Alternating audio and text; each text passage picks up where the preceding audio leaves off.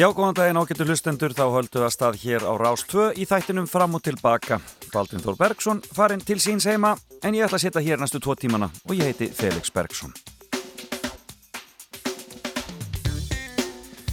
Það var fallegu morgun hér í höfuborginni í morgun, aðeins væta en bara fallegasta veður og veðri í gerðkvöldi var algjörlega dásamlegt uh, og í gerðdag gaf mann að komast aðeins út með þessi á hjólið og svo leiðis. E, þetta svona gefur manni aðeins fyrir heitum um vorið en það er nú ennþá langt í það eins og við vitum og viðspáinn er skýr með það. Það er ímest að þetta gerast í veðrinu og við bara hvetjum ykkur til að fara varlega hvar sem þið eruð. Keira varlega og e, ég bara fara varlega og fyrir ekkar halda sig heima við e, ef mögulegt er. En það náttúrulega eru margir á faraldsfæti enda skóla frí í skólum landsins vetrar frí og e, maður heyrir af mörgum fyrir norðan og, og, og austan. Þannig að það er bara, eins og ég segi já já, hafið það hugulegt en farið endilega varlega. En hjá mér í dag verður verða góði gestir, ég ætla að ringja hér eftir nýju í eitt keppanda tækniskólan sem getur betur, hún heitir Auður að þennan einastóttir hefur vakið aðtikli fyrir vasklega framgöngu en tækniskólinn er komin í undan og slíði getur betur í fyrsta sinn og það lítur nú bara að teljast frábær árangur ég ætla að heyri auða þennu hún áver á, á, á keirslu eitthvað staðar því ég heyri hérna eftir. Semst ekki keira sjálf en í bíl á leiðin á vestfjörna við heyrum betra því hér á eftir. Og svo ætla ég að rappa við hann Sigurð Helga Pálmarsson hann er sapurðu söngvar og sjónvarsmaður uh, og um, hann verður í fimmunni hjá mér. Sigurður Helgi auðvitað sonur þeirra þurriðar Sigurðardóttur söngkonu og Pálma uh, Gunnarssonar, uh, söngvar á tónlistamanns og já, þurfið líka myndlistamæður, þannig að það er miklu listamenn í kringum. Sigur Helga og hann hefur vakið miklu aðtikli í þáttunum fyrir alla muni sem við erum með hér á Rúf og það verður gaman að heyra fimmuna hans. Fimm áskoranir eru það. Að heyrum það betur hér og eftir. Fréttageturinn verður síðan á sínum stað og gjafabref í Hannesarholt þar undir. Eh, en það kemur betur í ljós hvernig það gengur allt saman og þá megið þið ringja í mig og taka þátt í fréttagetrun. En um, við byrjum á að spila lag úr uh, söngakefni og uh, af því að ég er nú að, að, fá hann Sigurð uh, Helga hérna Pálmarsson hér og eftir þá var mér aðeins hugsað til Pálma Gunnarssonar. Og þá rifjast upp fyrir mér gaman lag með mannakornum sem að þau komu með í kefnina fyrir ansir hreint mörgum árum síðan Um, og um, og það var nú raunar þannig að, að, að það var ekki Pálmi sem söng það að mestu leiti, hann söng svona með en það var Ellen Kristjáns sem að uh, söng það. Og þannig að komast það í hvaða ár þetta var nákvæmlega. Þetta hefur verið þarna eitthvað tíman eitthvað tíman á hérna já 1989 segja þér hér. 1980 í byrjun á, á fyrstu árum söngakefninar En ef ekki að rifjað upp, línudans, það kemur mann alltaf í gott skap. Ég ætla að spila söngakefnislög alveg fram yfir söngakefnina eh, stóru í Róttidám í mæ. Alltaf byrja þáttinn á því. Það kemur mann alltaf í gott skap. Óvennileg byrjun á Eurovision-lægi.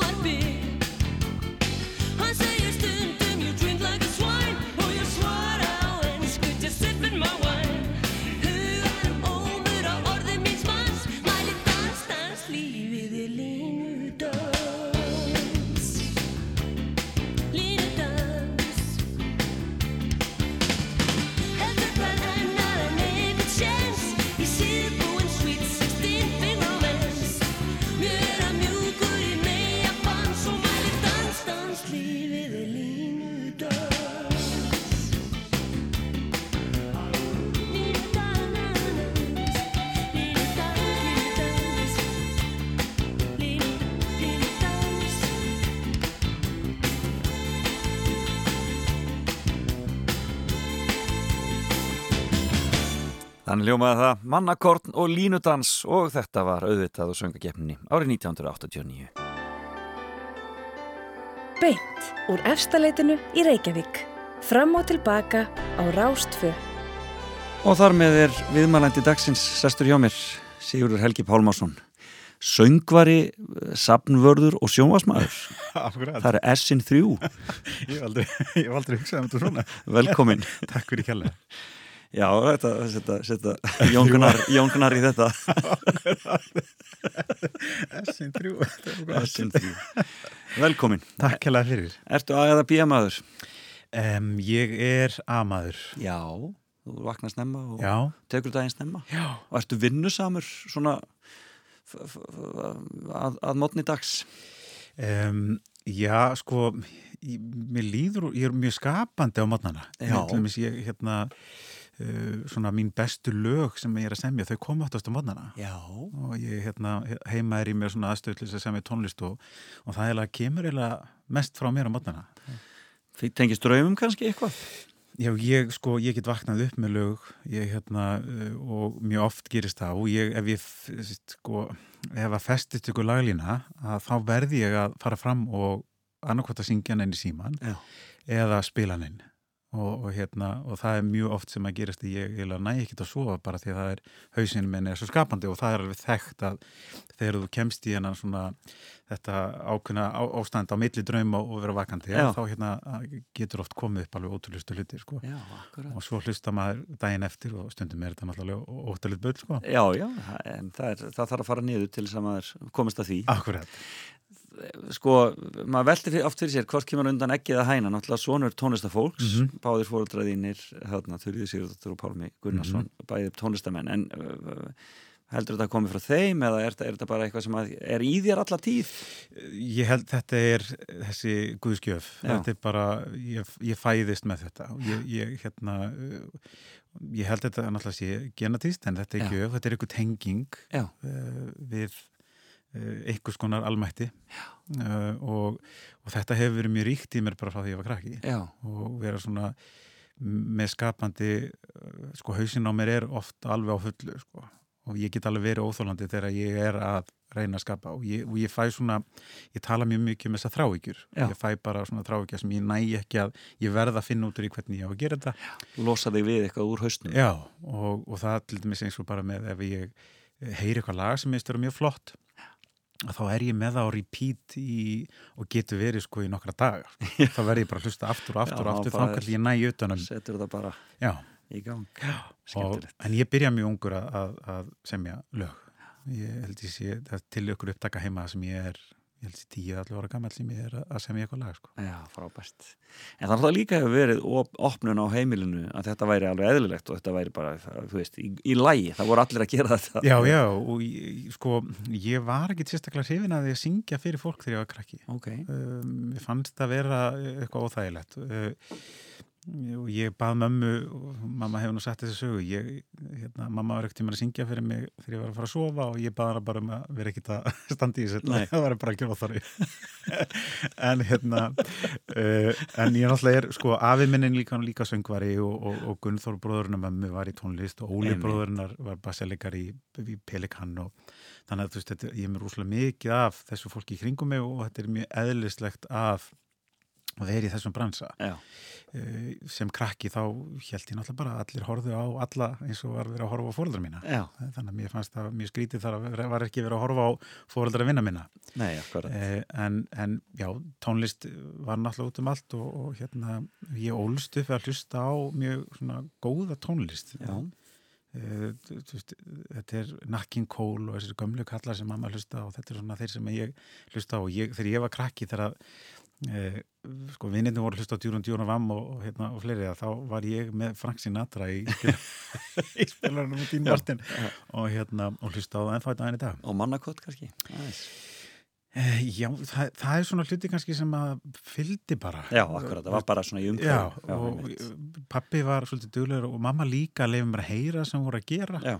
Uh, og ég mátti alveg mynda mér skoðun á því já. og ég mannlegtir ég að sko ég hafa mjög sterkar minningu þegar pappi leiði mér að heyra hérna það er komið sumar, lægi sem ég gátt og hann var svo stoltur. Og ég man svo vel sko hvað hann var stoltur á læginu og hann var að segja mér, þú veist, hérna saxónfleikarinn hann alveg bilaðist hérna og hann fór að útskýra fyrir mér, í rauninu eins og menn myndi gera bara með, ef þú væri pípari og væri með batnið, það er að segja hvernig það væri þá, og, Þessi pípulögn mjög flókin. Ágrætt, já, Vinnu minna var svona vegamálastjóra hann, hann, hann finnst fallegustu vegir á Íslandi hér og það en indislegt, það er náttúrulega bara, já þannig að, að þetta er í rauninu það sem ég hérna, er alveg stuð með. Skemmtilegt, en fimmaðín, hún er sérstök fimm áskoranir.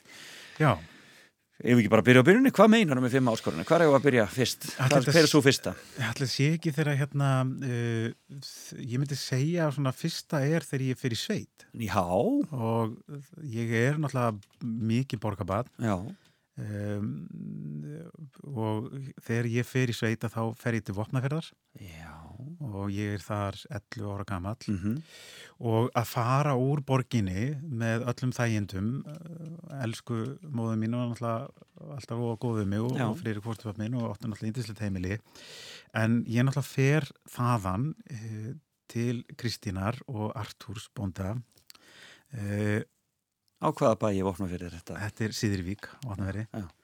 og e, þegar að ég kem að þá einhvern veginn svona e, fæ ég mjög, átta mjög raun og veru mjög sko fljótt á því þegar að e, heimasætan e, tók mig í bóndabegi Já, sem var nokkrum árum yngri en ég að, að það væri annað veruleiki já, þú komin á Sveita. og hérna og þau voru bæði indisleg uh, og ég fekk í raun og veru að uh, upplifa það að, að fá sagt, uh, bara dagleg verkefni Mhm. og ég náttúrulega þurfti að skila þeim uh, og það var alveg svo derfitt uh, af því að ég var náttúrulega ekki bara það var ekki svoleiðis er bara að læra að vinna hreinlega. í raun og veru. Já, og hérna og Artur Bondi hann hafði alveg ofbúslega gaman á, að því sko hvað ég var mikil kjáni. Já. og, og hérna og við urðum rosalega miklir vinir. Og ég var ekkit svo besti, ég var hérna í tvö ár eh, ég var ekkit svo allra kannski besti til þess að byrja með en ég, ég lærði rosalega mikið á þessu og síðan setna meir eh, áttaði mig í raun og veru á því hvað þetta hafði mikil áhrif á mig vegna þess að bæði það að, að, að átta mig á því að ég var ekki tilstaklega duglugur og ég var frekar latur uh, en ég fekk alveg að heyra það sko. og ég átt að fá sagt, eitthvað pening eftir fyrsta sumarið og ég fekk enga pening. Og Kristín sagði bara við mig, þú hefur bara ekki staðið nú vel Vá, það er rosalegt fyrir 11 ára bar Já, en, en það var rosalega holdt fyrir mig, vegna þess að sumari sem ég kem á eftir, Já. að þá Varstu var ég ákveðin, já. á, ákveðin að, að vera döglegri Já. sem að, ég veit ekki hvort ég hef verið rosalega döglegri en ég var allavega döglegri og fjast eitthvað laun í Já, lóksins og hérna og, við erum, og, og ég er rosalega mikill vinur allra þeirra og, mér, og ég elska þetta fólk út af lífinu. En hvernig, hvernig tengi, eru tengingarna? Hvers vegna ferðu þarna? Ástæða? í, í raun og veru þá er þetta uh, náttúrulega pappi kemur frá vatnaveri en uh, hann uh, kynnist þeim út af því að þau sáum neðri hluta uh, hérna Hofsá. Já, þannig að pappi var að veiða þarna og þau voru með bændagistingu og hann kynnist þessu yndislega fólki og hérna uh, og það sem var kannski svo gott við þetta voru allar þessar hérna, aðstæður sem að til dæmis Artúr, hann leiði mér að prófa allt. Og hann let mig gera mistökin. Og, og, og hann stundum sko grét úr hlátri þegar ég kom mér í eitthvað vandræði. Og hann var fullkomlega meðvitað um að ég myndi hérna uh, og hann húskamaði mig ef ég gerði eitthvað sem var ekki rétt. Já, og ef ég fóru við strikja þá hérna uh, leta maður alveg heyra það en hann var alltaf mjög ljúfur og góður. Hann var ákveðin en, en, en ofbáslega ljúfur og góður. Og við vorum ofbáslega miklir vinnir uh, ég maður allir með eitt skiptið þá uh, ég var, hérna, þau voru með æðavarp og, og ég var sérst átt að sjá um að fara á tína sérst hérna dúnin og nema það að það flætti að, það myndaðist í rauninu bara eiga og hann sagði mig þú voru að vera búin þessum tíma og þú voru að vera komin yfir annars er þetta bara fastur á Já, þessari eyri. á og ég gleymi mér og ég er með tvo fulla póka af, af tún og hann stendur sér tínu megin við og, og ég stend náttúrulega aðna og, og, ég, er ég vissi ekkert hvernig þetta komir yfir og ég kalli yfir hvernig það komast. Og hann var þú að synda.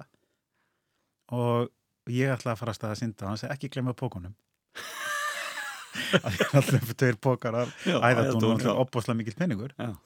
og ég veginn næmi hérna yfir og hann hló og hló og hún fannst þetta svo gaman að ég skildi að hafa komið sér vandræði þannig að hann vissi það, hann á ekki eftir að gleyma þessu næst. Nei, og það, ég glemdi þessu aldrei eftir, ég var alltaf komin yfir rétt Já, hérna hér og hann hefði verið, þetta var nú ekki djúft og hann hefði verið fljótar að koma ná heimikallin en hann, hann ykkur neginn svona innprentaði í mig alveg fullt af hluti sem ég er ennþá daginn í dag áttum á í hvað hann var að gera. Ah, og til dæmis virðing við dýr og, og, og í raun og veru það hérna að hvernig þú umgengst náttúruna og, og svona, þannig að hann var Og kannski þessi yndislegir. tengsli, tengsli almættið og kannski upplifa það líka þarna sem já, krakki. já, og, já og svo hérna bara svolítið að að uh, þóra og, og kannski að spurja líka að ég spurði hann eins og hvort ég mætti skjóta úr haglabissinans og hann rétti mig bara haglabissina og þetta var gömul svona rússabissa og sem var nánast sko, sett saman með hósuklemmum að því Já. að hún sló svo mikið og ég skaut og ég mitti alveg sakalega og ég baði aldrei aftur. Og hann svo, svo saði með mig, þú alltaf, ef þú ætlar að gera eitthvað byttu þá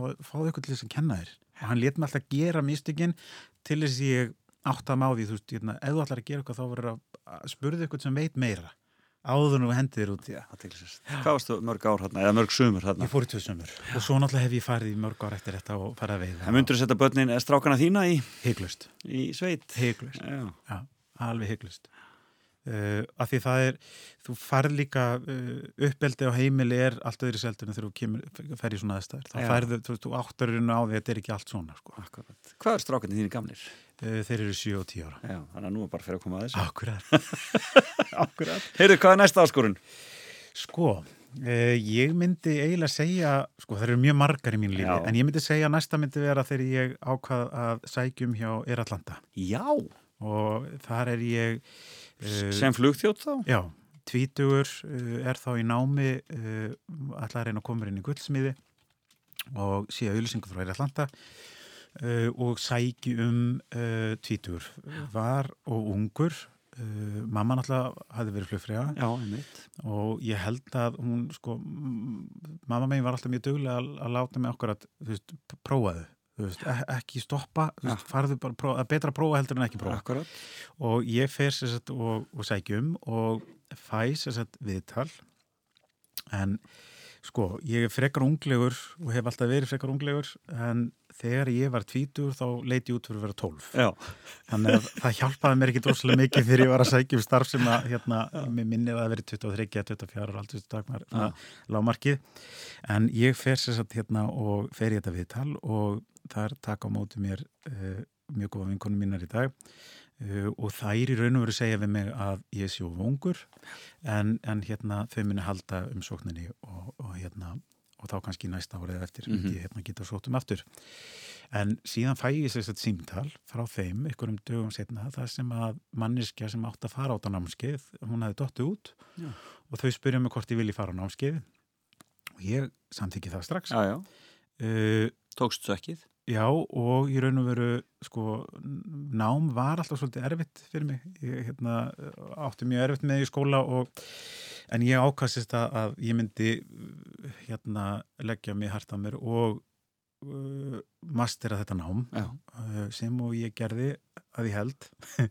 Uh, jú, mér, gekk mér vel og ég náði mjög góðum hérna einhvern sem verðu, hérna þetta er náttúrulega öryggi starf og, Já, já, og þannig að þú verður bara að vita þetta, það, því er ekki að fá fimm eins og var í grunnskóla og brúsa, en hérna en ég hérna uh, klára námskeið og, og, og kemst ekki hérna það og, og þá er hennu að sama þú veist, þú kannski bara á næsta árið þá getur þú hérna hoppað inn, en Já. síðan ykkur um tegum síðar að þá hafði sérst manneskja önnur dottið út og ég var að spyrja þau hvort ég vildi fara til Níkuri eftir ykkur að dota og fljúa. Og þar með hófsta? Já, það var bara hengi skólan að segja ég að vera hættur í náminu var þá í hönnun, á hönnunabrötið í skólanum Og ekki byrjar þá í gudsmíðinni eða hvað? Nei, það, ég ætlaði að taka hönnunabröðina til þess að reyna að auðvelda mér að komast inn Já, inn í gudsmíðinni. Já, og svo er ég bara nokkur dögum síðar er ég komin til Nígeríu og meiri svo á leiðinni Og til er þetta þá pílagrimaflug sem er þarna í gangi? Já, og ég sé að hérna, meiri svo á leiðinni eh, með flugvillinni þegar fórum frá Íslandi þá var, þá var kona sem kom til mín og, og hún spurði mig, ert að fara út með pappaðinum?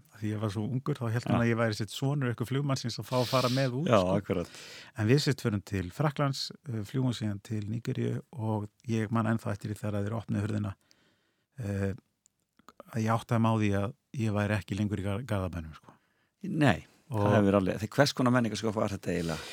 Það var náttúrulega alveg gríðalegt, Já. en það sem var kannski svo jákvæmt við þetta er það að ég er það ungur að það er ekki til í mér hræðisla Nei, og, og ég er raun og veru á þessum árum eh, fæ að upplifa að því, ég man ekki hversu mörgulöndu við erum að fljúa í Sáti-Arbíu, við förum út um allt í Afríku, við erum Mhm. að taka Singapore, við erum að taka Kolumbur, þú veist, við förum alveg ótrúlega marga flotta staði sem við myndum ekki, ég myndi ekki fara í dag og, og margir hverjir er bara ekkert reynilega hægt að fara til Nei. Eh, en Nígerja var alveg indisleg og var, það var svo gaman að vera þarna Já, það og það var sko eh, það var alltaf verið að reyna að ræna þig Það var svoleiðis já, já, já, og hverjum einasta því sko. Leigubílar og já, svoleiðis. og bara þið voru bara að reyna að finna leiði til þess að afla sér tekna Hafa, þið pening eitthvað? já, Og, og það náttúrulega bara, þú komst í raun og veru svolítið að því að, að það var bara þeirra leið já.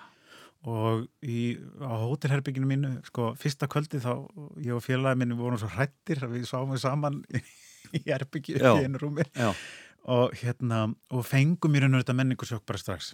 Og, og þá þurftu við í raun og bara að læra að, að umgangast annað land með ákveðni þessari virðingu og, og átt að sá því að maður er það, og þessi forréttindi að, að vera Íslendingur. Og, og hvað í raun og Íslandi er, er, er gott land. Uh, en svo fer maður að sjá fegurðina í öðrum löndum. Já, já. Og, og, og það var úslega gott að læra það að vera ekki með uh, hvað maður segja ákveðna fordóma fyrir öðrum menninga þátt það er raun og þurfti bara svolítið að, að koma þarna með uh, opin huga Hvað ertu mörg ár í, í þessu hjá Air Atlanta? uh, ég er frá 95 í april til 2000 enda 2000, 2001 Já. já. Þannig að þetta er heilmikið tími já og Voru sæmilega tekjur í þessu tíma? Svona, Já. Svo ég spyr ég svona já, við vorum mjög vel launuð.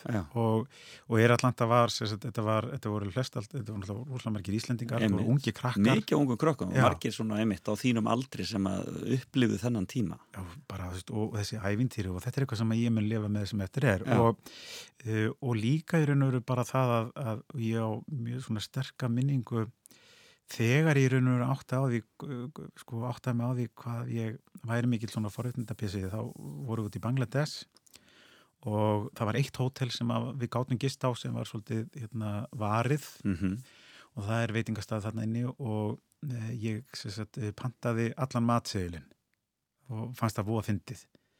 Svo komuður inn og byrjuðu að dæla diskonum og leggja diskonum ofan og hvern annan á borðinu mínu og ég satt fyrir framan allan hana mat og ég bara, þetta er ekki lægi sko.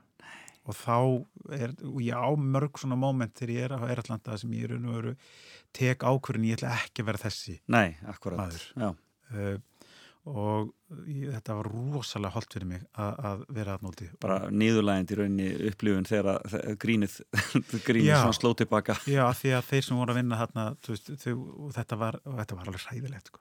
Og hérna, og, en, en opaslega holdt fyrir ungan, ungan mann að átt að sjá því að, hérna, að, að maður á ekki að, að láta svona. hætt að haga sér eins og nýlendu herra Okkur að pínlítið. Heyrðu það er þá komið að þriðju áskoruninni Sko, þriðja áskorun er í raun og veru þegar að ég hætti að vinna hjá Eirallanda, Já. að þá kem ég úr svona uh, glamúrstarfi, búin að fljúa út um allan heim og fullt á launum uh, kem til Íslands og ég vissi ekkert hvað ég átti að gera uh, og 25 ára gamall og Já. bara einhvern veginn ekkert í gangi. Neða, ekkert í gangi.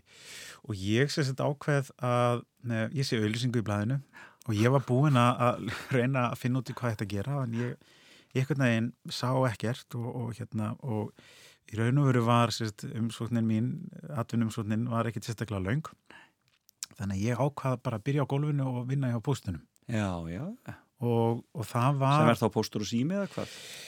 Uh, nei, þau voru að hafa búið að splitta þessu. Ok. já, þetta var orðið Íslandspostur á þeim tíma. Uh, en uh, og það var rosalega holdt líka. Að kom, vera með eitthvað svona væntingar og, og vera með svona og þurfa að byrja upp á nýtt. Og, og vera ekki hrættu við það. Og, og ég byrja að vinna þarna hjá þeim og, og það sem að kannski gerist er að ég kynast alltaf rosalega mikið af, af góðu fólki, fólk sem var búin að vinna þarna nánast allir sína starfsæfi uh, og ég og veru bara að byrja á gólfinu og svo fer ég hægt á bítandi að vinna mig upp. Já. og ég fæs þess að póstunum var svolítið lægin við að, að, að gefa fólki tækifæra á það að vinna sér upp eða maður var dölur og, og ég enda síðan á því að uh, verða þjónusustjóri hjá uh, fyrirtæki sem við vorum með á þeim tíma sem voru TNT hraðflutningar. En ég þurfti í raun og vera að byrja síst, að, að, uh, keira átt post og svo fór ég það að vinna við að að skipulegja hérna, bílana og, og þannig að ég svona tek kollu kollu og enda síðan sem þjónustjóri og það var rúslega gott fyrir um, mér sjálfan að sjá að, að ég gæti uh, komið með eitthvað. Þar að segja að ég, ég væri uh, sem, maður væri metinn af því að vera dölur og bara svolítið eins og í sveitinni þegar þú varst 11 ára. Þetta tengist eitthvað neina og, hérna, og, og það er einhvern veginn að gera verkum. Ég hef, og ég hef náttúrulega út frá þessu alltaf verið bara svolítið óhættu að henda mér út í djúbleginu Ertu byrjar að sapna þarna? Ertu, er sapnar áratan komin í því þarna á þessum tíma? Já, já, og, en hún svo sem byrjar fyrst þegar ég er 11 ára þegar ég gengi myndsætnarafélagið uh, en, en síðan fer það í dvala og síðan á þessum árum okkur þá fer ég að skoða þetta já, aftur, betur, fer já. svona að skoða myndfræðina og, og helli mig svolítið út í það.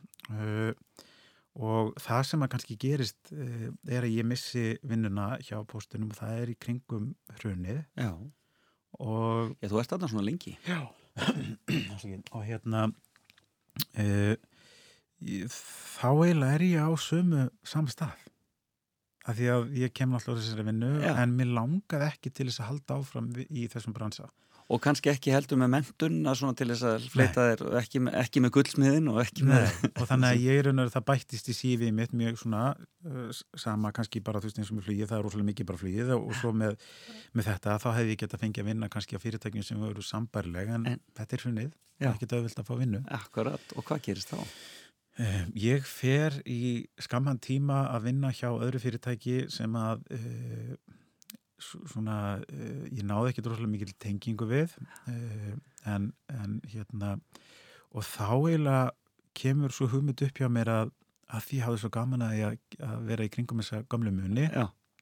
að þá uh, fer ég að stað að opna þessa búð mína sem að var á hverjasköldinni og það er fjórða áskorunin. Já, það má reynilega segja það. Því að ég hendi mér út í eitthvað sem ég hef ekkit, ekkit við á Heyrðu, við skulum tala það eftir smá stund. Við skulum hlusta á aðvæðin hérna, tökum okkur smá pásu. Það er síldavalsið.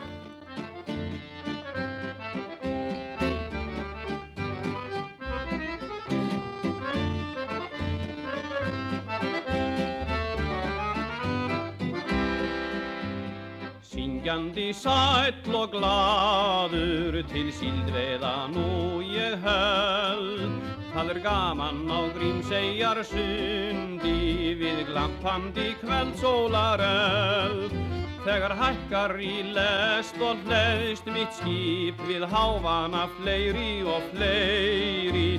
Svo landa ég síldinni sítt á hvað á Dalvík og dagverða reyri.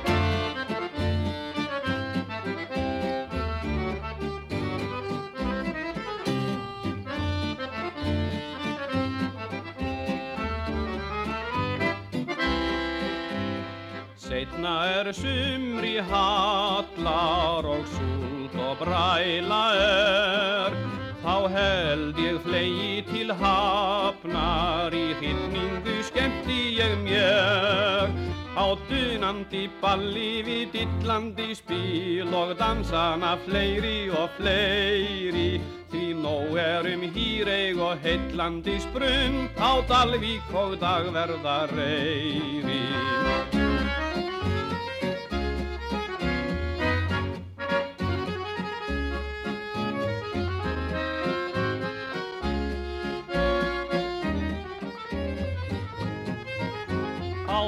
dunandi balli við dillandi spil og dansana fleiri og fleiri. Því nóg erum hýreig og heitlandi sprund á Dalvík og dagverða reyri.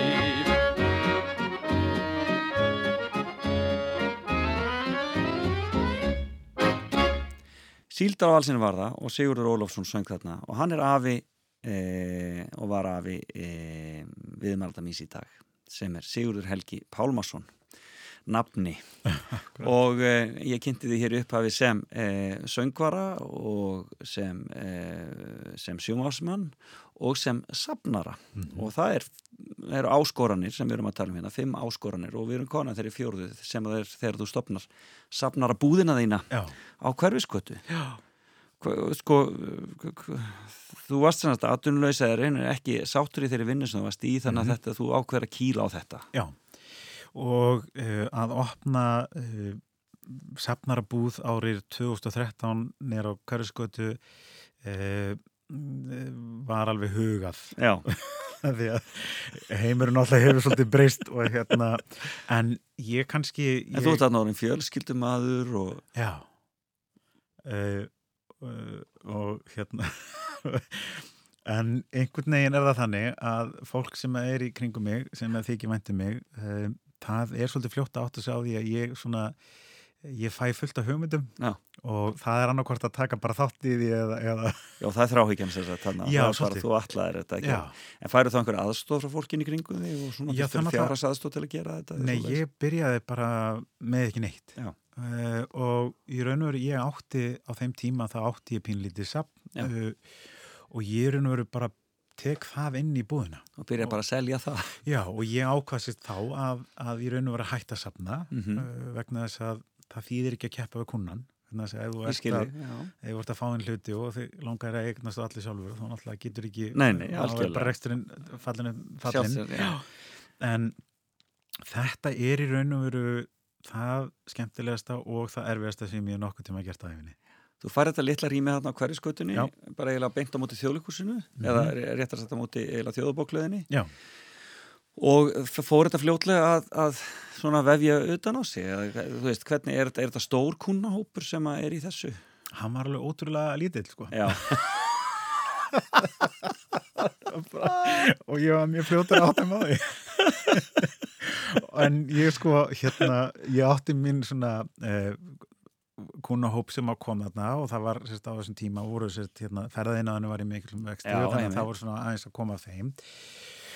Og uh, það sem að var kannski skemmtilegt við þetta var að þessi fa- fastakunnar voru að koma til mín til þess að setjast niður og spjalla. Og hérna og mér alveg sko, mér, sko ég, mér tókst það að, að, að vera þarna í tvö ár uh, og ég hefði, að, ég hefði þurft að vera mun lengur til þess að byggja þetta upp og ég Mhm. hefði öruglega farið í að, að tengja þetta við kannski uh, ykkur svona túristabúð. Já, það var svona sem ég var að hugsa um að, ég þyrft að gera.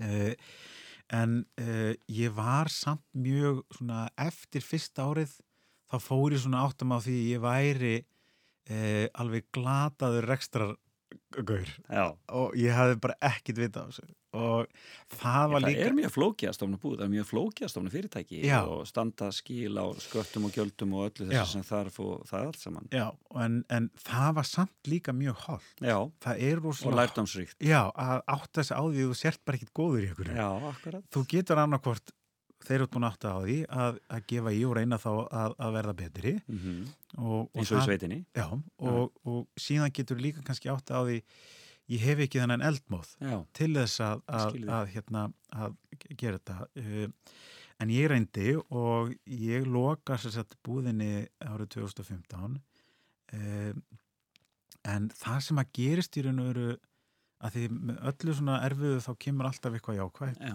og það sem að gerist með því að ég opna þessa búð er að ég kynnist öllu þessu fólki, ég fer me- meira að pæla í uh, úr kannski myndin yfir í gamla muni og ég svona fælu rosalega mikið áhuga á bara gömlu munum uh, og kynnist þar uh, manni sem að labbar inn í búðina mína sem að heitir Jón Þór Hannesson. Mm uh, hann var einna, aðstofnandi sagafilm, já, uh, tók upp fyrstu plötum um og pappa einmitt. uh, og þar einhvern veginn í því samtali að þá uh, kemur upp þessi hugmynd um að uh, búa til sjónvastætti Já, já, já. og þannig að Og það er fymta áskorun. það er fymta áskorinn akkurat Og hafið þér eitthvað tíðan dottið það í huga að, ættir, að það ætti fyrir þér að liggja að verða sjónvarsmaður? nei Nei. og í raun og veru sko uh, ég var ekkit sko uh, ég, ég var ekkit viss um að, að það var alveg óvíst hvort ég yrði í raun og veru eitthvað góður. Já. og uh, en Jón Þór hafði uh, trúa mér. Hann hafði trúa á þessari hugmyndu og þessu konsepti og, og hafði trúa því að, að, að Íslendingar hefðu gaman að, að, að horfa á svona þætti. Elskar sögur, Íslandingar elskar sögur. Já. allir elskar sögur. Já, og sko þetta er náttúrulega, þetta er náttúrulega okkar saga, þetta er Íslandssagan Já. sem er að, að, að, að og kannski líka með þessu svona, þessum barslega áhuga sem Já. er alltaf í, sem að, svona er í mér. Og, og við sérsagt förum af stað að við reynum að kynna hugmyndina og við fórum þá tölum við Rúf sem var byggð og uh, Rúf náttúrulega vissi það ég búið til tónlist en þeir vissi ekkit hvernig ég var í mynd þannig að það var búin til svona pínu test þar sem ég var beðin um að tala í, í myndavel Já. og það var síðan náttúrulega var á endanum síðan samþygt þar sem við sögðu ok, þetta getur alveg gengið upp þetta hefði alveg ekkit getað gengið upp. Uh, en til dæmis inn í þessu hljóðveri sem við erum núna þá hérna kynnist ég Viktoríu Hermansdóttur Já, uh, þegar hún var að taka viðtal við mig um safnara. Já, og eftir viðtali sem að var í raun og veru í korter þá spyr ég Viktoríu hvort hún vil ekki vera með mér í að búti sjónvastætti og við þekktumst ekkert. Nei, og Viktoríu segi strax já. Hún bara auðvitað skal ég vera með að búti sjónvastætti um gamla hluti. Akkurat. Sem var indislegt því að Viktoria kemur inn í þetta verkefni með hennar eh, svona take á þetta. Og úr því verða þessir þætti sem við erum búin að gera núna. Og Það er fyrir alla muni Fyrir alla muni, og, og hvenær byrjar, hvenær er fyrsta serían? eh, hún kem, ekki uh, 2019 þá var fyrst Það þættin. er fyrstu þetta Já. 2018 Já. já 2018 Nú er ég Svona liðin út tíminn. Já, uh, Við gleðu og störf. Akkurat og hérna uh, og þeir, það gengur bara það með, vel með fyrstu seríuna og, og við Viktoria erum bara okkur finnst þetta svo skemmtilegt. Já, og við erum ringjandi í, í hvort annað þegar við erum í svona þess, í þessu framlýslu ferli og þá erum við ringjandi í hvort annað e, stanslust Já. og því við, þetta, eh, við erum svona bæði mjög lík og, og, og það var það sem ég sá í Viktori og hún hafði svo mikið áhuga sem ég var að segja og, og þannig að þetta er alveg ótrúlega skemmtilegt og við fáum bara ótrúlega skemmtilegar og fallegar viðtökur sem fólk er bara ótrúlega ánátt með að sjá okkur öllum og segja þessu sögu og við gerðum alltaf núna seríu nummið tvö. Einmitt og hún hefur alltaf fengið góðar viðtökur og Já. gengið vel.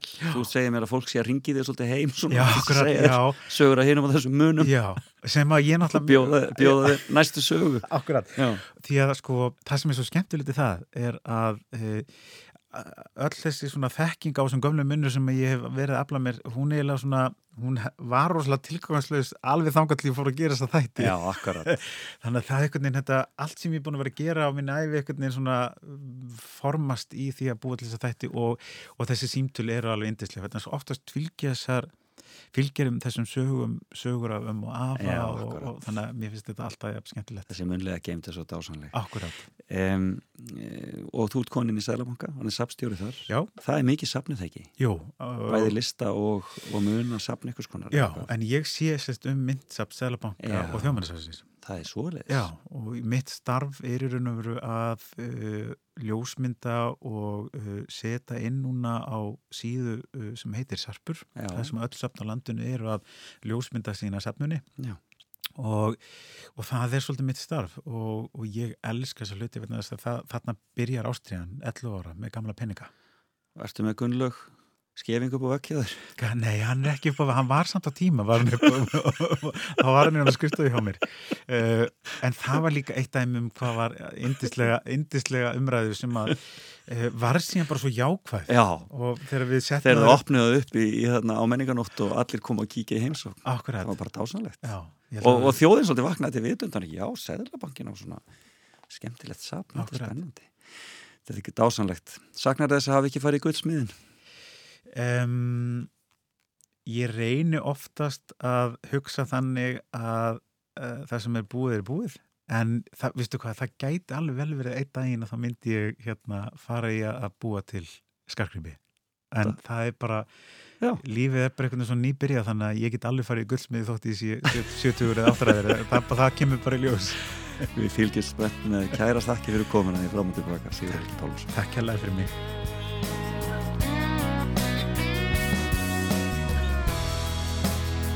one ever found his way by standing in the line and asking for a sign. No one ever found his words, not knowing what to say. Just give yourself away. As we stand here in the sun, you're asking, should you run? But that's not for me to say. If you don't know where you're going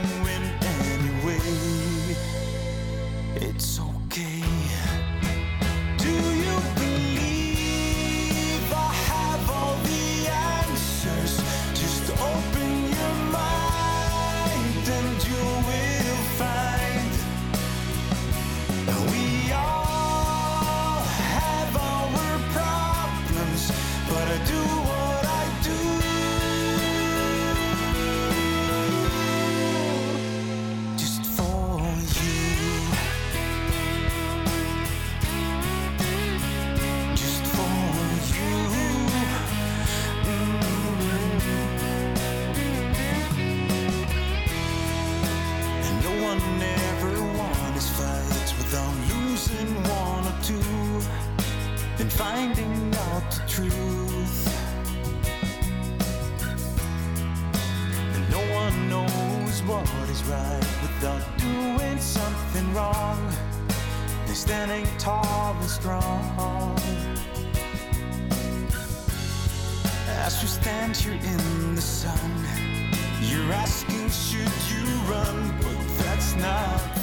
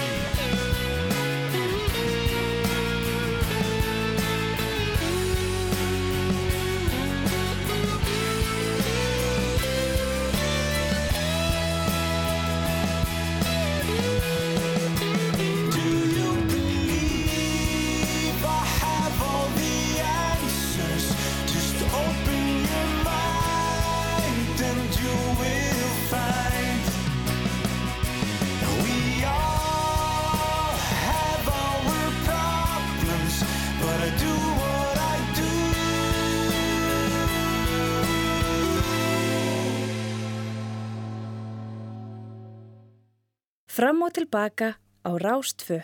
Já, þannig ljómaði það, þetta var hann Siggi Pálma sem var hérna hjá mér, Sigurður Helgi Pálmason, sabbörður söngvari og sjómasmaður og við heyrðum lægið It's OK þarna eftir spjallið. Alltaf gaman að sjá hann og það verður öruglega frábær þáttur af fyrir alla muni í sjónvarpinu annað kvöld. En hér er útgáfa sem hefur vækið mikla aðtekli á lægi Páls Óskars, er þetta Ástar Unsteinn Manuel sem syngur. Við förum að nálgast nýju fréttir hér á Rástvö. Síðan ég sá þig fyrst Alla göttu síðan eyði ég teginum með þig á heilanum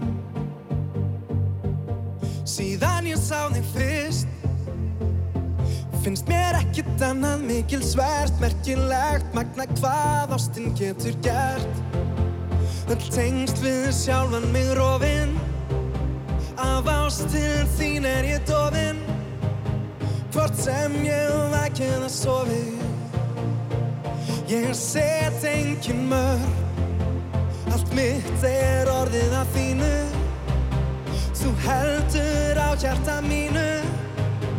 Og nærir hvern mín og pínu.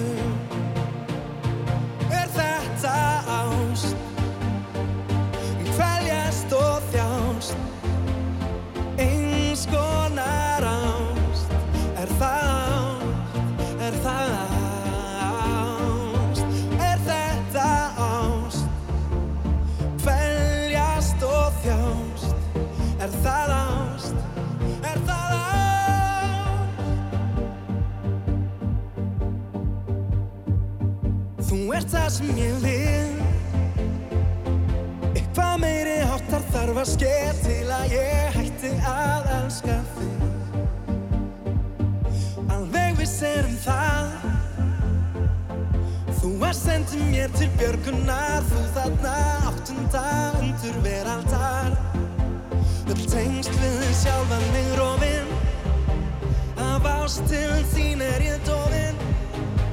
Hvort sem ég vakið að sofi. Ég set engin mörg Allt mitt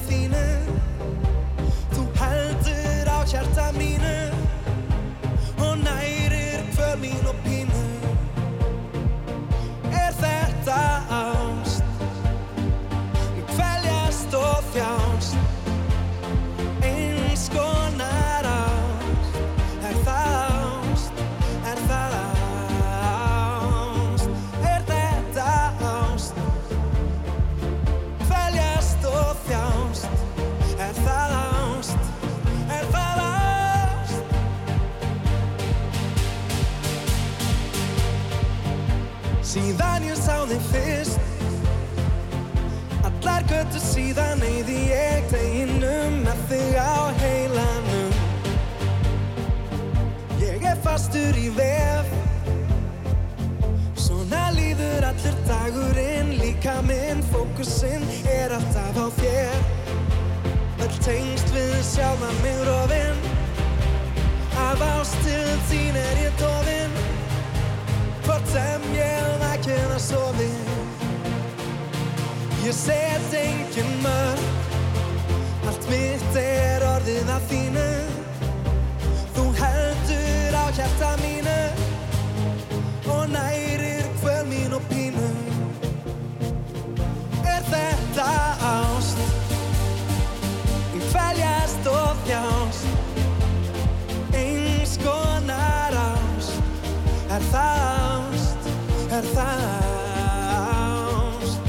Kvæljast og þjást Eins konar ást Er það ást? Er það ást?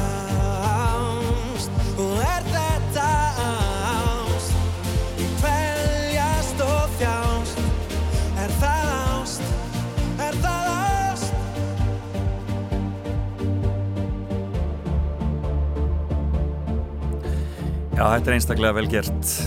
Einstein Manuel og Hermi Gervill þarna og er þetta ást? Beint úr efstaleitinu í Reykjavík. Fram og tilbaka á Rástfö.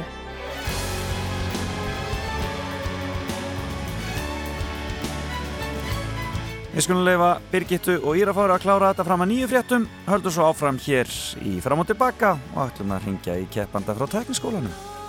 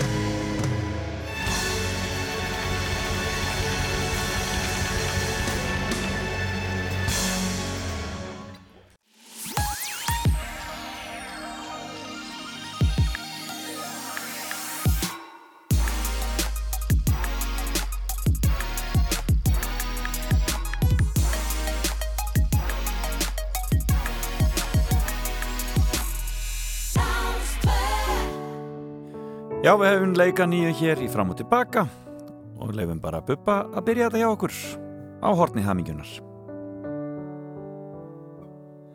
Og núna þegar við vitum allt og vindurinn fréttinnar ber til okkar og öllum er orðið kallt og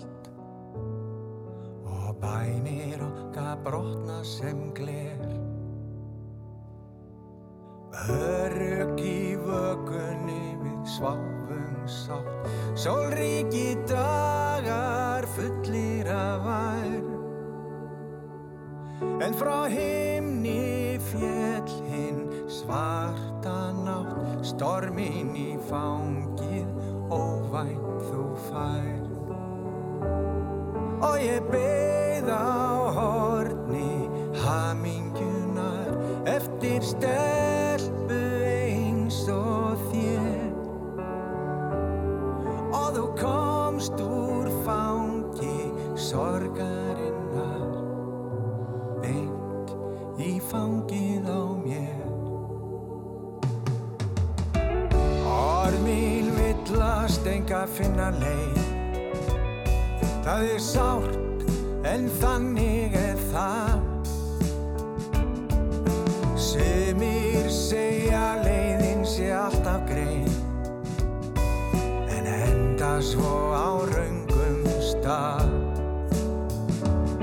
Og maður eyðir ævin í það starf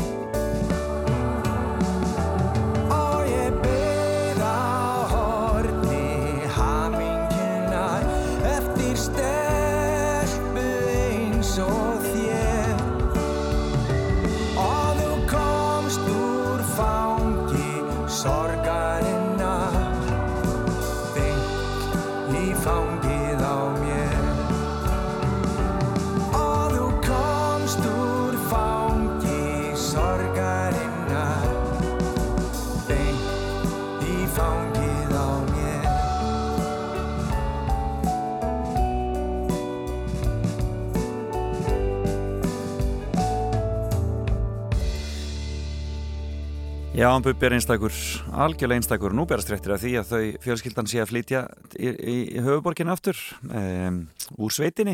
Það er búin að búa í eh, í kvalfyrðinu eiginlega í, núna í nokkur ár í, kjósinni. Og en nú er hann að koma í bæinu vonandi heldur hann samt áfram að rækta rósetna sínar. Það eru margir sem vilja það. Þar er hamingjan, segir hann, í moldinni en eh, það var getur betur í gerðkvöldi og eh, þar gekk nú mikið á eins og menn kannski eh, eh, sáu en eh, við vonum að allir hafi komið eh, og, og, og komið vel undan því þeirri, þeirri rimmu allir saman. Eh, en eh, við ætlum að heyra í henni auði að þennu eh, einastóttur sem að er keppandi eh, með eh, tekniskólanum eh, hér og eftir og heyra hvernig þeim líður eftir að hafa unnið þessa viðraukninga er á móti fjölbyrti ármúla en tekniskólan er að komast í undanúslit í, í gettu betur í fyrsta sinn, hvorki meirni minna. Fjölbyrtskólan í ármúla komst í undanúslitin í fyrra þannig að þau svolítið skiptu svona um hérna skiptu um í raunni stöðu því að, að það var ár, ármónin sem fór í undarúslinni fyrra og tekniskólinn dætt út í áttalegu úrslitunum og snýrist það við og aðnulið sem eru komin í þessi uh, undan úrslit eru mennskólinn í Reykjavík og uh, Kvennaskólinn. Og svo er það síðasta viðregnin eftir viku þegar mennskólinn við Hamrallíð og Vestlunskólinn mætast. Þetta verður hörgu það verður hörgurimma og þetta verður svakalega undanúslitt góður, góð lið þarna eftir og þjóðin fylgist vel með sínu getu betur. En við heyrum betur að því hér á eftir. En fáum aðeins mér í músik fyrst. Alveg svona krási næst Paper Airplane heitir þetta lag. Við erum á ljúum nótum hér á lögatasmotni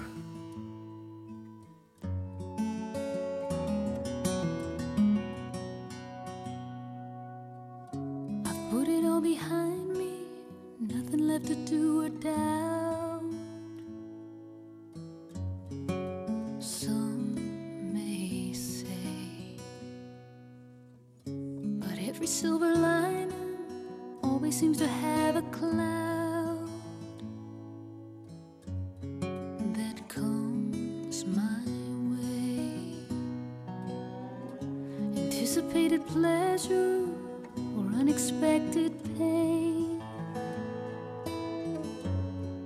No choice I fear. And love is hard to measure,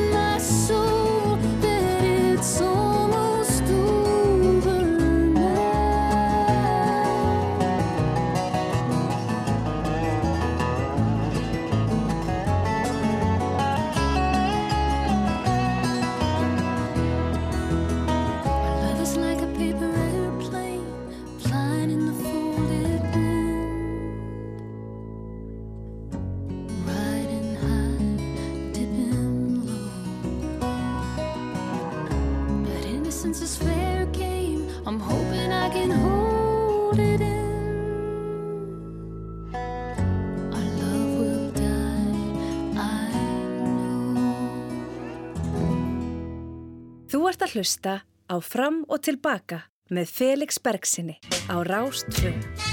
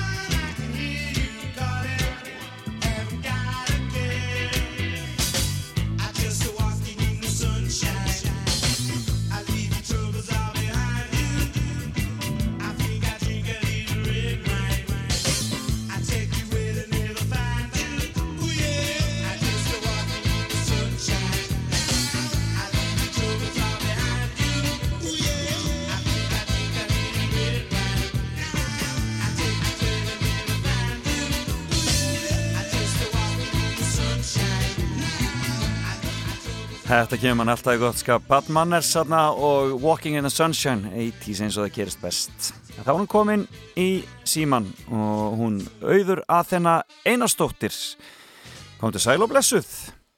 Já, allarstu. Góðan daginn, er ég að gera þér óleik að, að draga þig á lappir á, á lögatarsmotni Eftir Já, maður er nú svona pín, pín og snett, myndi ég segja.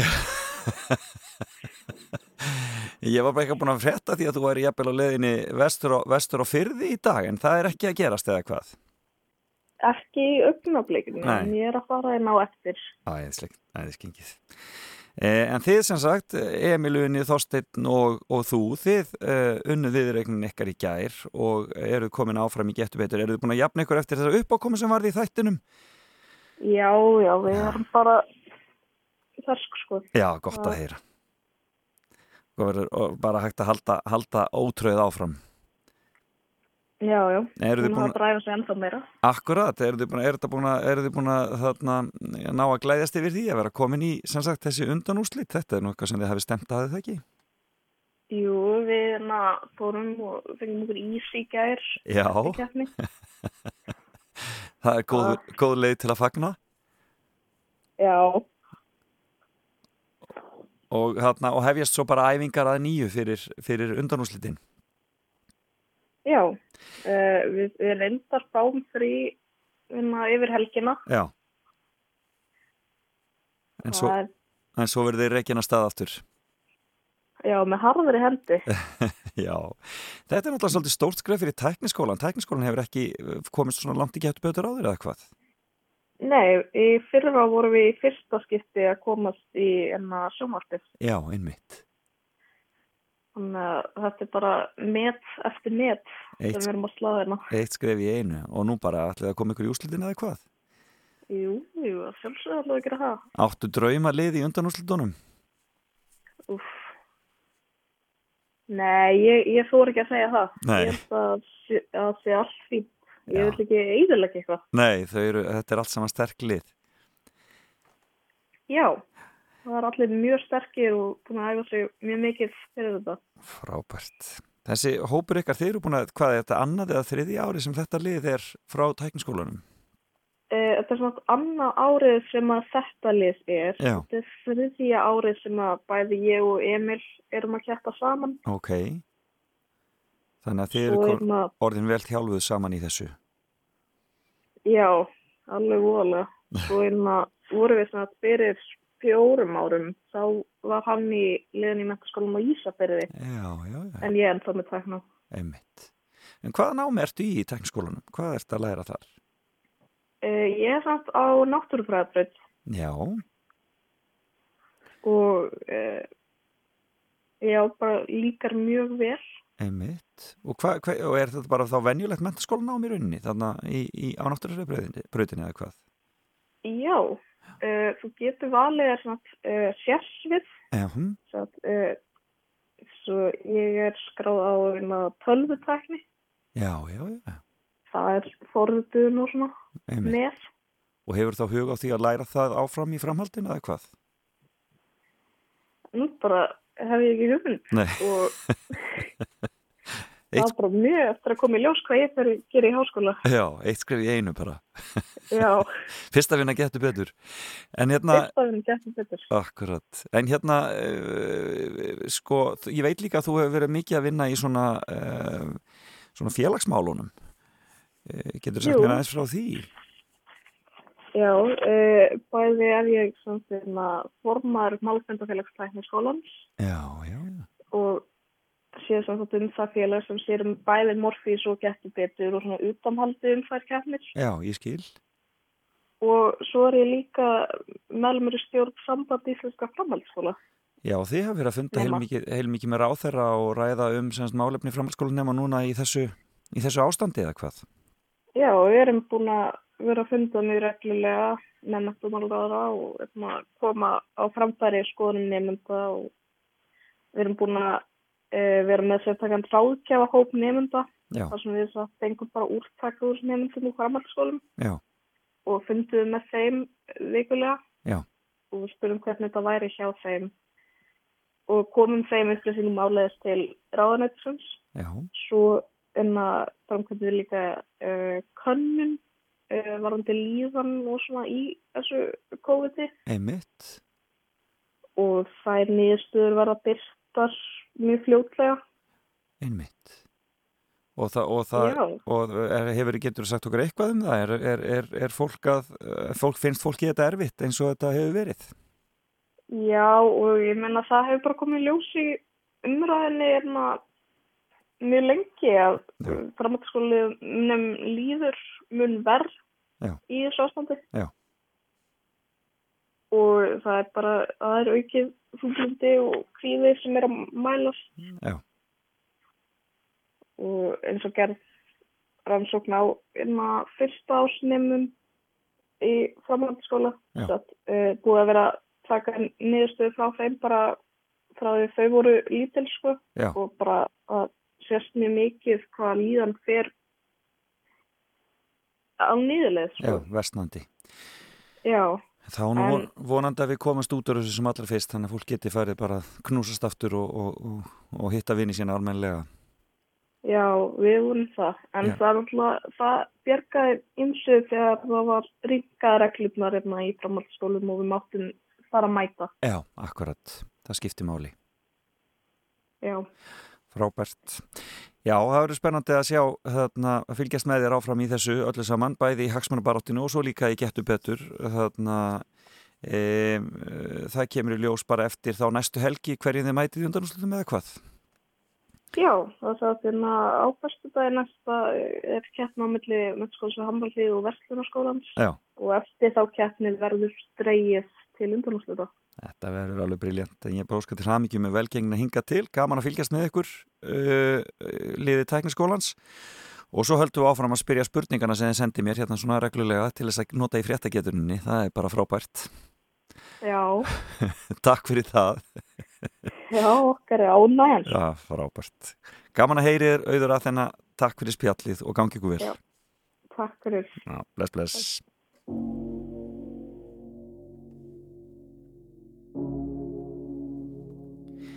Þetta var auður að þennan úr tækniskólanum og þau eru duglega að svara spurningum þar, það er ótt að segja það. Stóra spurningar heili minn spyr. Hjarta mitt er ekki með svar. Ég slegg úr símanum mínu. Bara svo að þú veitir það. Stóra spurningar gottu yfir Ekkert er eins og það var. Ég væri til í að elska þig. En þú veist þetta er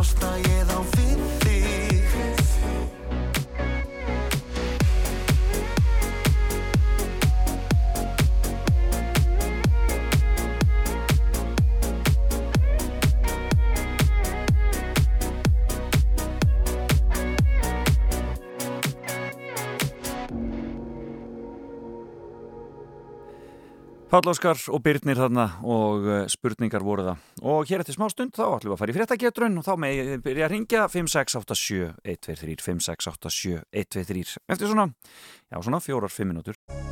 Þú ert að hlusta á Fram og Tilbaka á Rástfö.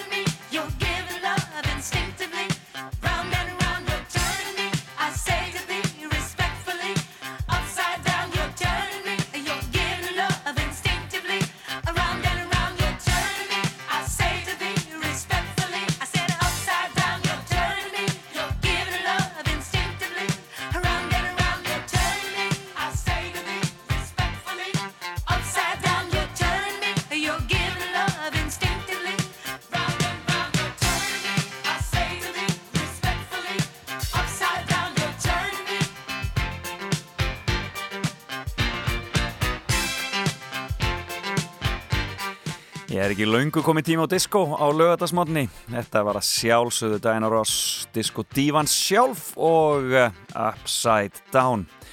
En hér eru línur byrjar að loga, menn eru alveg með á nótunum. Uh, Gjáðabriði Hannesar holdi undir þegar við förum í fréttagetröðin.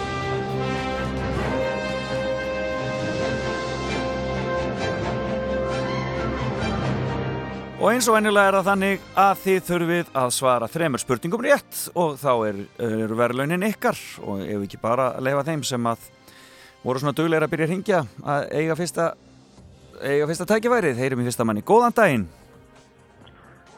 Jú, góðan daginn. Góðan dag, sæl og bless. Hvaðan er þú að ringja?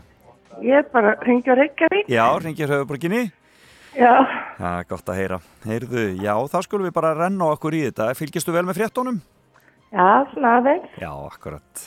Það er, það er, það er raunar þannig búið að vera í eh, COVID-inu að það er mi alveg svakalega mikið áhorf á fréttir og hlustum Já, Að við- ég trúi því vel. að því að fólk er náttúrulega bara heima að fylgjast með því hvort að það fari ekki að fá bólefni og svo leiðis Já, nákvæmlega. hmm.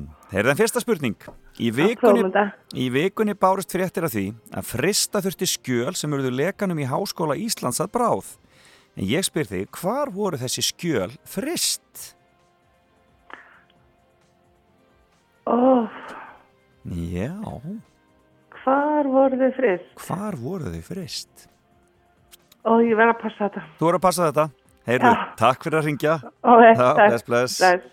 Nei, hún vissi það ekki, en við spurðum næsta Góðan daginn Góðan dag. Sæl, veist þú hvar skjölin voru frist?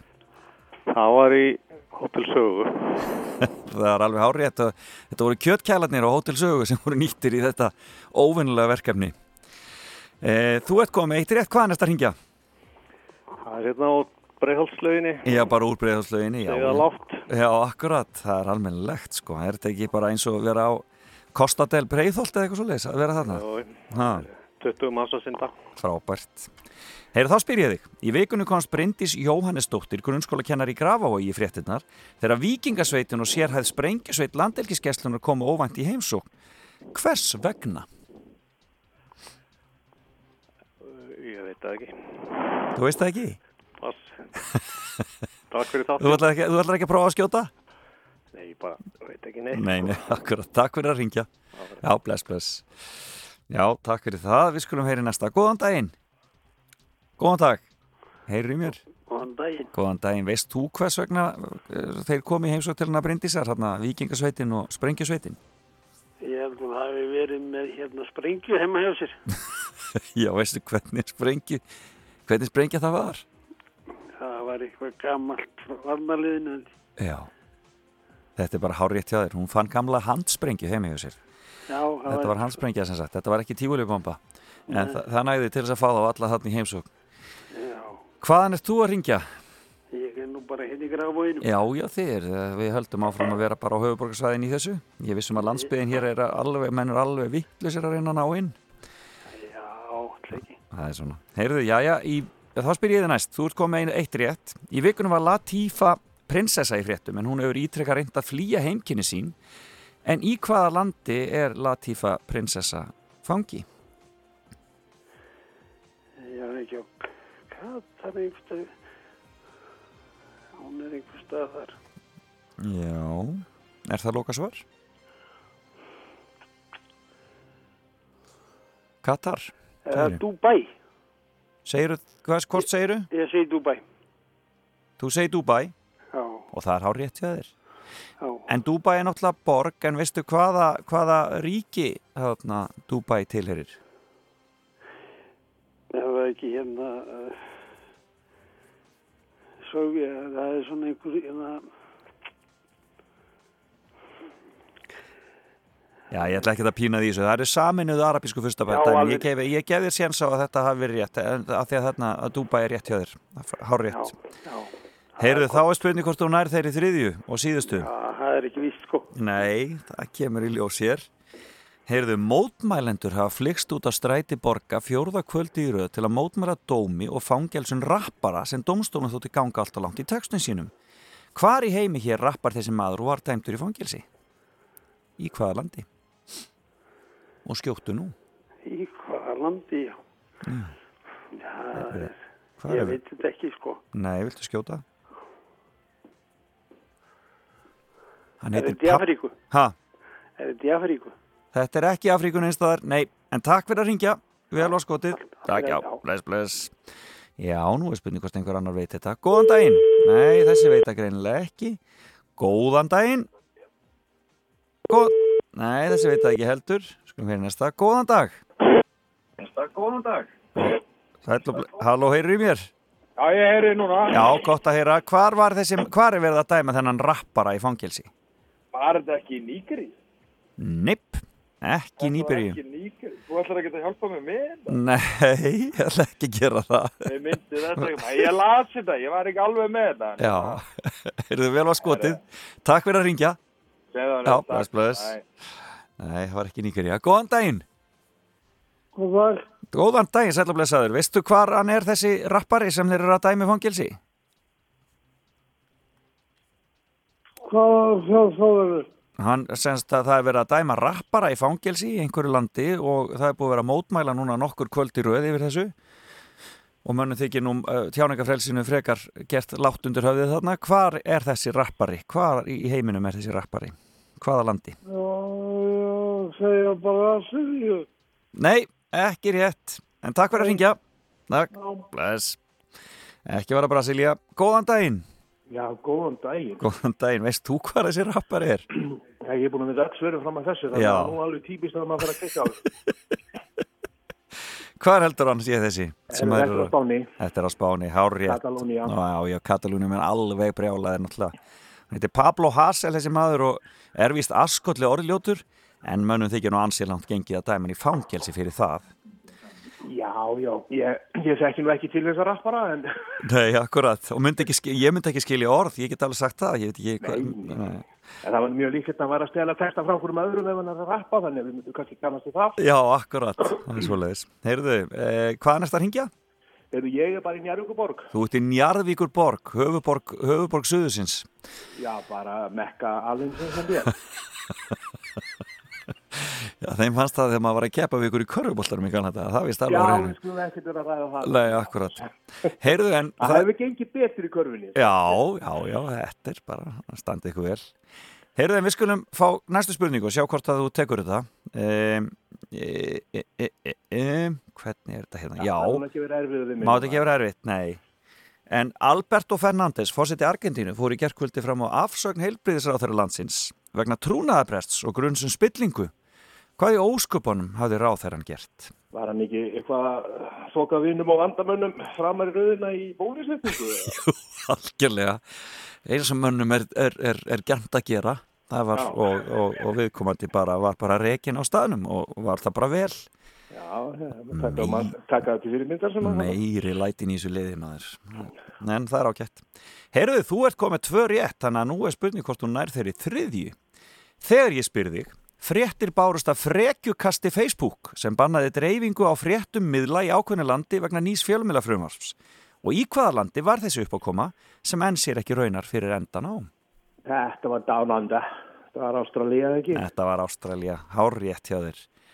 Og ótrúlegt mál, mjög svona aðteklisvært mál í alla og staði. ókveikjandi í rauninni eins og, og menn bænt á. Það tók hálftíma að skrúa fyrir málfrelsi í výræðisvíki. En þetta er algjörlega magnað sko. Segir okkur kannski hvað Facebook er alveg stór Já, hluta líf okkar og já. samfélagsmiðlar. Og og, og hvað í rauninni menn þurfa í rauninni að fara kannski að spilnaði fótum aðeins? Já, ég hlættur um það. Það á Algjörlega. bara að vera skemmtilegur á Facebook. Það á ekki að vera með eitthvað vesen á Facebook. Ekkert vesinn. Heyrðu, hvað heitir maðurinn? Ég heiti Kristján Kristján, hversson? Jóhansson. Jóhansson. Og uh, má ekki bara bjóða þær að koma við hérna hjá mér í Estalitun og ná í gjafi brifið þitt. Erstu að ferðin eitthvað í höfuborginu á næstunni? Maður hlýtur nokkuð til mann fyrir að renna í borg óttans. Já, segðu, já. Og svo ætlum við að senda þig niður í, sko, miðborg óttans, hreinlega. Í, og í örvæntinga fulla leita bílastæði. Eh, Þarna, eh, þarna. Að Ég þú máttu í það, sko, sannarlega. Það er stórkostlegt að fara á hjóli í miðborgina. Nei, nei, það er einhver, það er einhver nokkur Ég hundur. færi nú bara á mínu fjallabíl og nagladekjunum og skóli niður lögavegin. Já, já, þú mátt það ekki, þú mátt það ekki en þú getur fundið eitthvað gott bílastæðahús en það er sem sagt Hannesarholt sem að þér er bóðið í og, þarna, og getur notið takk fyrir þetta og góða þátt. Sömulegis Kristján Kærar þakkir fyrir að ringja Verður blessaður. Já, Bless, bless, bless. Já, Kristján Jóhansson tók það. Þökkum honum og ykkur öllum sem tóku þátt í fréttageturinn. Og hún verður að sjálfsögðu hér á sínum stað aftur eftir viku. Nema hvað. Erum ekkert að breyta því sem virkar. Eins og til dæmis þessu lagi með nýtönsk Hér er sungið alelda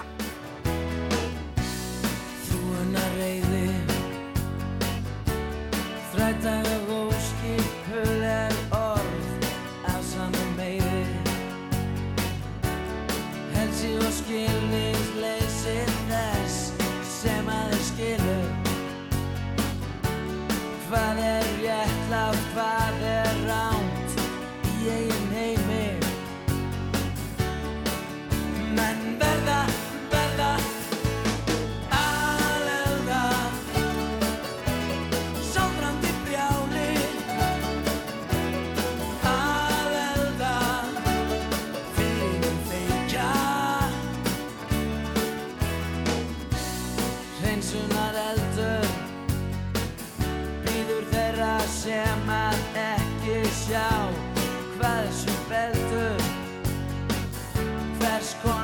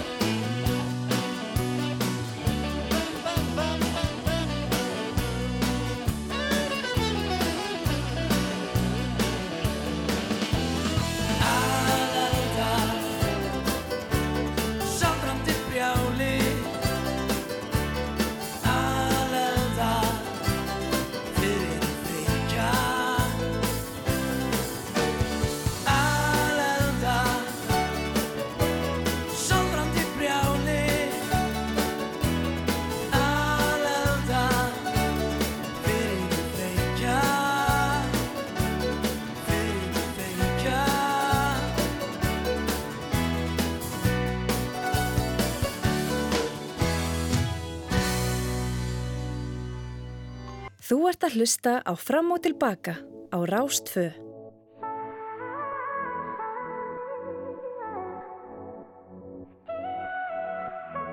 No, this ain't the first time I've had these thoughts before